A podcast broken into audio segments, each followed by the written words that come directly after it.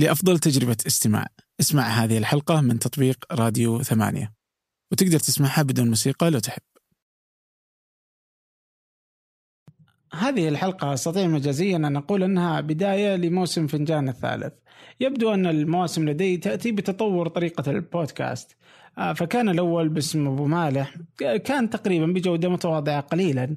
ومن ثم بدأ الثاني باسم فنجان. وبجودة أعلى والتزام أكبر بالوقت. هذا الثالث مختلف آه، والأكيد أنه أصعب بكثير من الحلقات السابقة. آه، هنا ستكون المدة أقل بكثير. آه، هذا الموسم ستكون حلقات لمدة 20 دقيقة تزيد أو تنقص قليلا.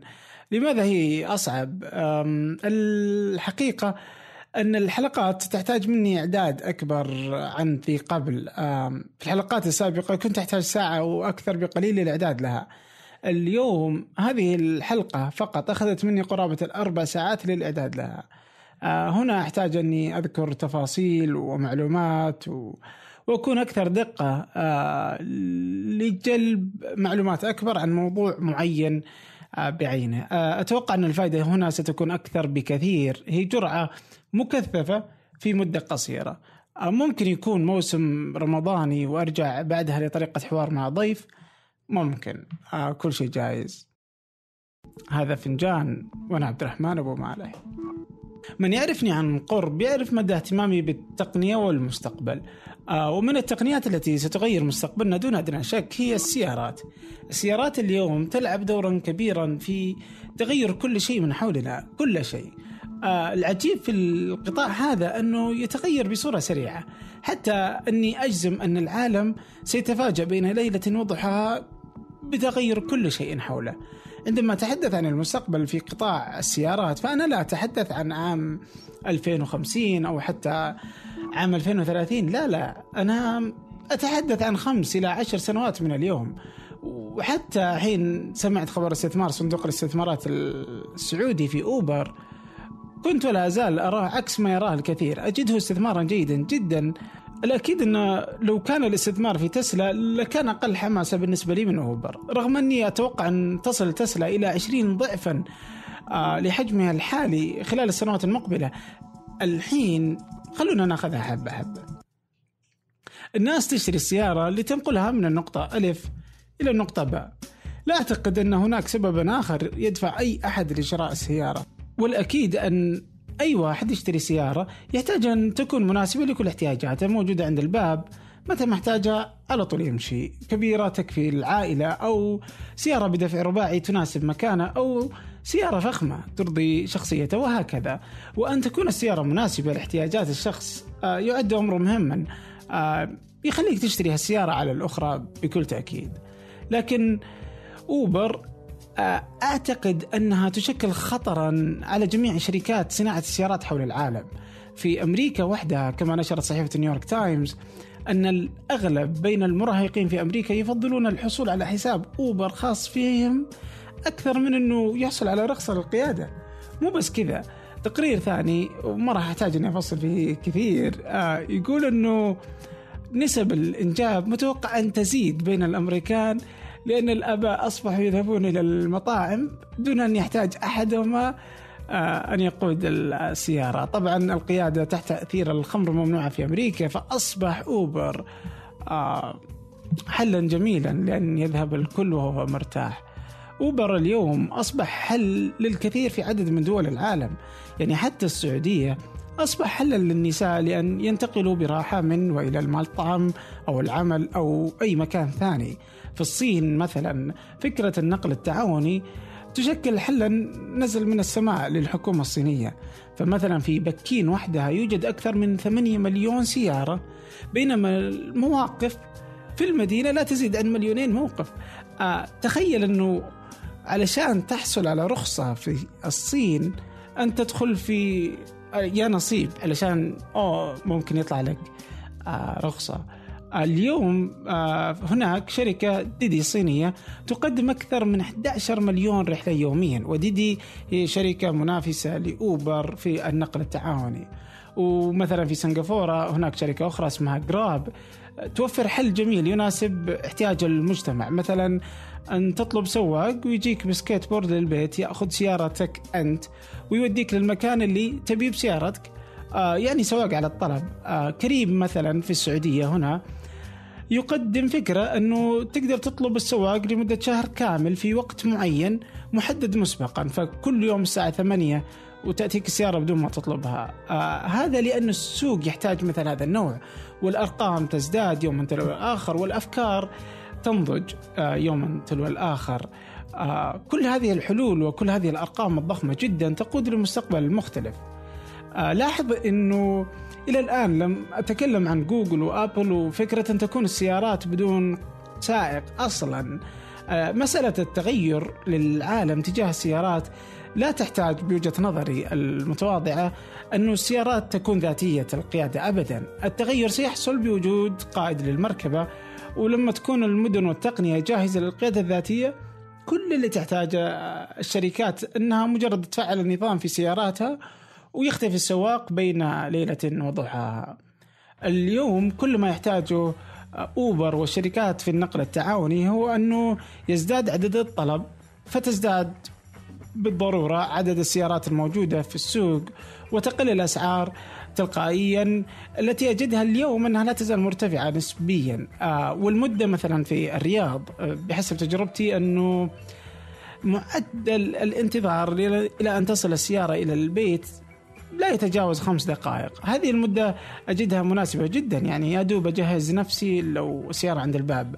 ما أحتاج أعيش جو الضغط مع الأسواق الجميلة جدا هنا ولا أحتاج أقعد أزايم زحمة خريس ولا غيره. لاحظ أني في غنى عن الرخصة وشراء سيارة والتأمين وصيانة السيارة والضغط النفسي في هذه الشوارع الجميلة جدا. وكمان للي يحبوا يخالفوا الأنظمة.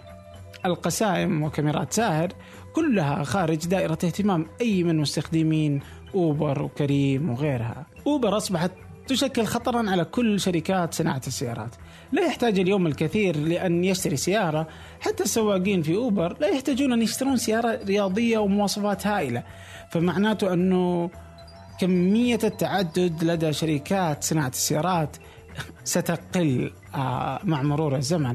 فكل اللي يحتاجونه قائدين المركبة في أوبر هي أنه سيارة بمواصفات تساعدهم على نقل الناس من النقطة ألف إلى النقطة باء لا يهم أنه تكون السيارة سريعة أو جميلة أو بها الكثير من المميزات. شركات السيارات أجدهم أنهم في وضع لا يحسدون عليه أبدا.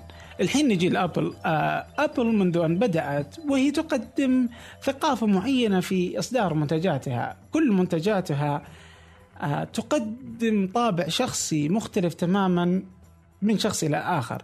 فقدمت لنا الحاسب الشخصي قدمت لنا مكتبة الموسيقى الخاصة الجوال الخاص وكذلك الساعة الخاصة التي تتعامل مع الشخص بالشكل الأمثل. قد تكلمت عن هذا الشأن في حلقة خاصة على قناة فنجان على اليوتيوب هذه القدرة التي تملكها أبل في تحويل المنتجات لتتناسب مع كل شخص بطريقة مختلفة عن الآخر أجدها أنها ستظهر جليا مرة أخرى في إنتاج سيارتها. اليوم كل السيارات مثل بعضها، كل سيارات بي إم دبليو هي نفسها التي أشتريها زي اللي أي أحد راح يشتريها. لكن فكر فيها بهذا الشكل نأخذها على أنه السيارة من الخارج هي زي الطيارة من الخارج. كل الطائرات من طراز معين بنفس الشكل من الخارج. لا تستطيع أن تذكر الفرق لكن من الداخل هي مختلفة تماما. تستطيع أي شركة أن تصممها كيفما شاءت. أبل وزي ما أتوقع راح تعيد صناعة السيارة لتكون متغيرة من الداخل تماما زي ما يحتاجه صاحبها.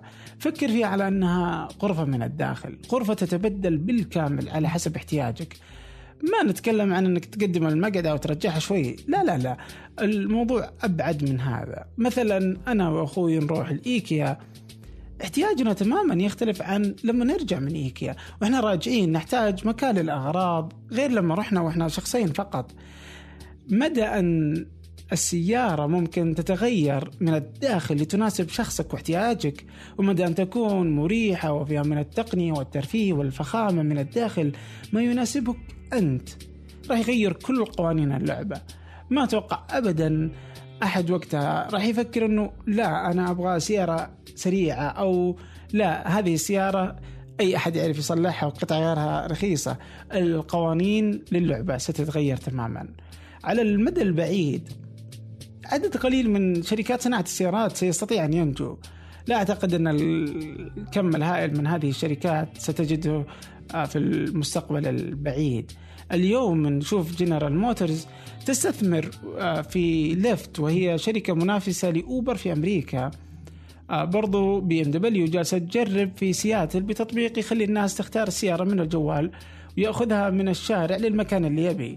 آه، رأيت ذلك في سياتل وجربته وهو يتيح لك إنه تقدر تأخذ السيارات مثلا Mini Cooper أو i3 من BMW والتجربة أجدها أنها متواضعة جدا وخجولة من BM Ford برضو بنت مركز كامل للأبحاث في ال Silicon Valley و Apple استثمرت مليار دولار في منافس Uber الأكبر اللي ذكرته قبل قليل اللي هو DiDi الصينية. السعودية كذلك استثمرت بالمبلغ الأكبر حتى الآن في Uber بقيمة ثلاثة ونصف مليار دولار. هذا يفتح لنا باب إني أتكلم عن استثمار السعودية. أوبر هي تشكل حصة ضخمة في مجال النقل التعاوني في العالم. لكن ديدي خطرها ضخم ممكن يهدد أوبر بشكل مخيف. بصراحة الموضوع نوعا ما يبدو أنه مش واضح أو أنه الصورة لا تزال غامضة نوعا ما يشوبها الكثير من الضباب. ديدي الصينية من أهم المستثمرين فيها علي بابا والحكومة الصينية واليوم أبل. آه، ديدي لديها أكثر من 300 مليون مستخدم. وبرضو 14 مليون سائق تدري كم رحلة يوميا؟ هناك 11 مليون رحلة يوميا. هذا الرقم يعادل ما تقوم به من رحلات يوميا أوبر حول العالم. آه DiDi تسيطر على 99% من سوق نقل السيارات في الصين. يعني Uber مع بقية الشركات يتضاربون في 1% من السوق و99% تملكه DiDi الصينيه DiDi مستثمرة هي في Lyft طبعا اللي هي شركة آه نقل التعاوني في أمريكا. آه كمان مستثمرة في Grab وهي شركة نقل تعاوني في سنغافورة. وفي Ola وهي شركة نقل تعاوني أيضا في الهند. فأي واحد من عملاء DiDi بمجرد يروح أمريكا مثلا يستخدم نفس التطبيق في سيارات Lyft والعكس بالعكس وطبعا ينطبق على أي مكان سواء سنغافورة أو الهند آه، أي مكان يوجد فيه أحد من حلفائها. و DiDi أعلنت أنها ما تفكر أنها تستحوذ على Lyft حاليا ولا على أي شركة ثانية من حلفائها لكن ممكن تسويها متى ما سنحت الفرصة أو هكذا. أزعم آه، ديدي صرحت مديرتها أن الشركة ما عندها أي خطة حالية للقيادة الذاتية بينما أوبر في الجهة الأخرى بدأت من فترة في مركز لها في مدينة بيتسبرغ الأمريكية بتطوير الأبحاث على تقنية القيادة الذاتية. تتذكرون يوم أوبر عرضت على نوكيا قرابة الخمسة مليار دولار علشان تشتري خرائطها؟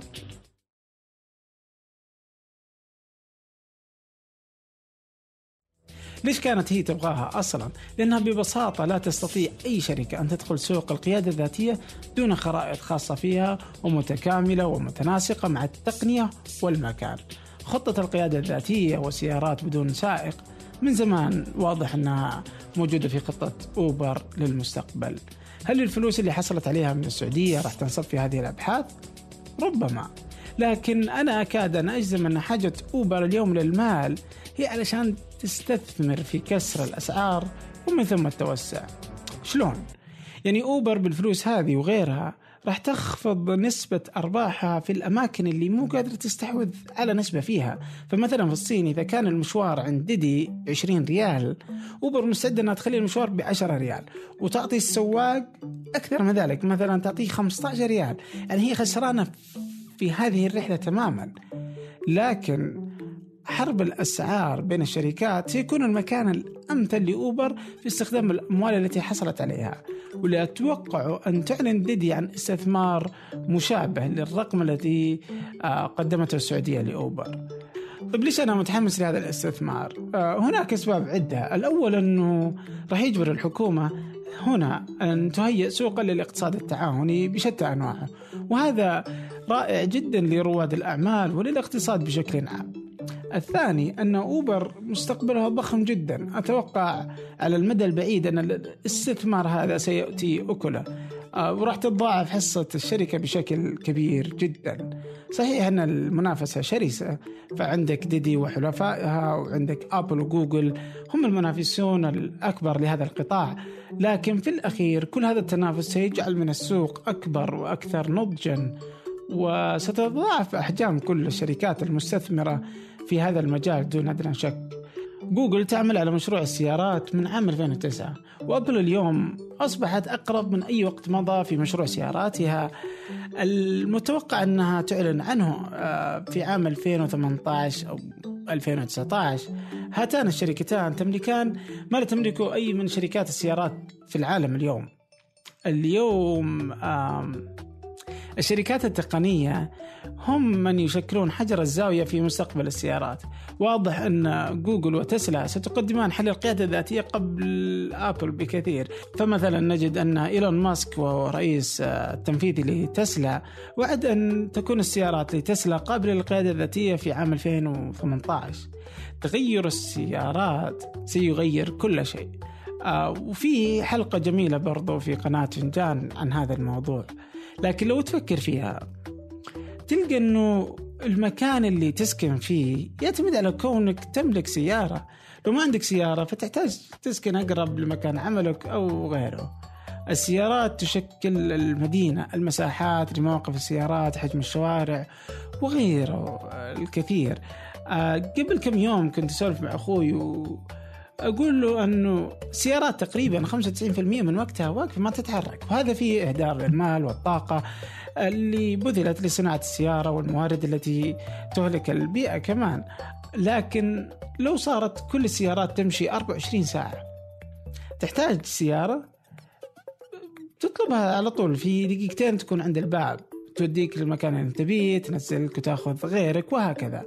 ولا ننسى أنه ممكن تتشكل من الداخل بناء على احتياج كل واحد فينا. فبكذا راح تكون السيارات الموجودة في المدينة أقل استخدامها أعلى لا حاجة للوزارات والمجمعات والمستشفيات. أن تضع مواقف للسيارات ولا أن تكون كل آه، البيئة وال والتنسيق للمدينة مبني على أنه السيارات يجب أن تكون آه، في الحسبان. أستطيع أن أرى هذا المستقبل واضح جدا. كل الحركة وكل القراءات المنطقية لا توصلني بصراحة إلا لهذا المستقبل في صناعة السيارات. أه، بكون أكثر عقلانية وأقول أنه خلال الخمس إلى العشر سنوات القادمة لا أتوقع أن يتوقف الناس عن شراء سيارات أبدا ويملكونها لا. لكن الأكيد أن مع هذه الموجة التي تغير كيف يرى العالم السيارات ستقل عدد السيارات لكل عائلة. السيارات التي تملكها العائلات لكن لن يقل استخدام العائلات للسيارات. ربما يزيد. سيكون خيار أوبر وكريم أكثر ملائمة من سواق خاص وسيارة له وغرفة وما إلى ذلك. وستكون أكثر ملائمة للشباب بشكل عام سواء النساء وهم بالدرجة الأولى والرجال بالدرجة الثانية. والأكيد أن الفجوة ستتقارب. ليكون خيار التنقل الجديد هو الأمثل للجميع. هذه نهاية الحلقة الحلقة القادمة أتوقع أنه ستنصب حول دي سي بما أنه أبل راح تأخذ آه، الجو على الأخبار التقنية ومدى أني أستمر على هذا النوع من طرح شامل لموضوع معين تعود لكم. أنا بشوف الآراء والتعليقات آه، أتمنى أنه الكل يكتب رأيه بكل صدق آه، في التعليقات في آيتونز. وعلى إثرها أستطيع أن أحدد ما إذا انه أستمر فيما بعد رمضان على هذا النهج أو أعود آه، بالطريقة السابقة. شكرا لكم مع كل الود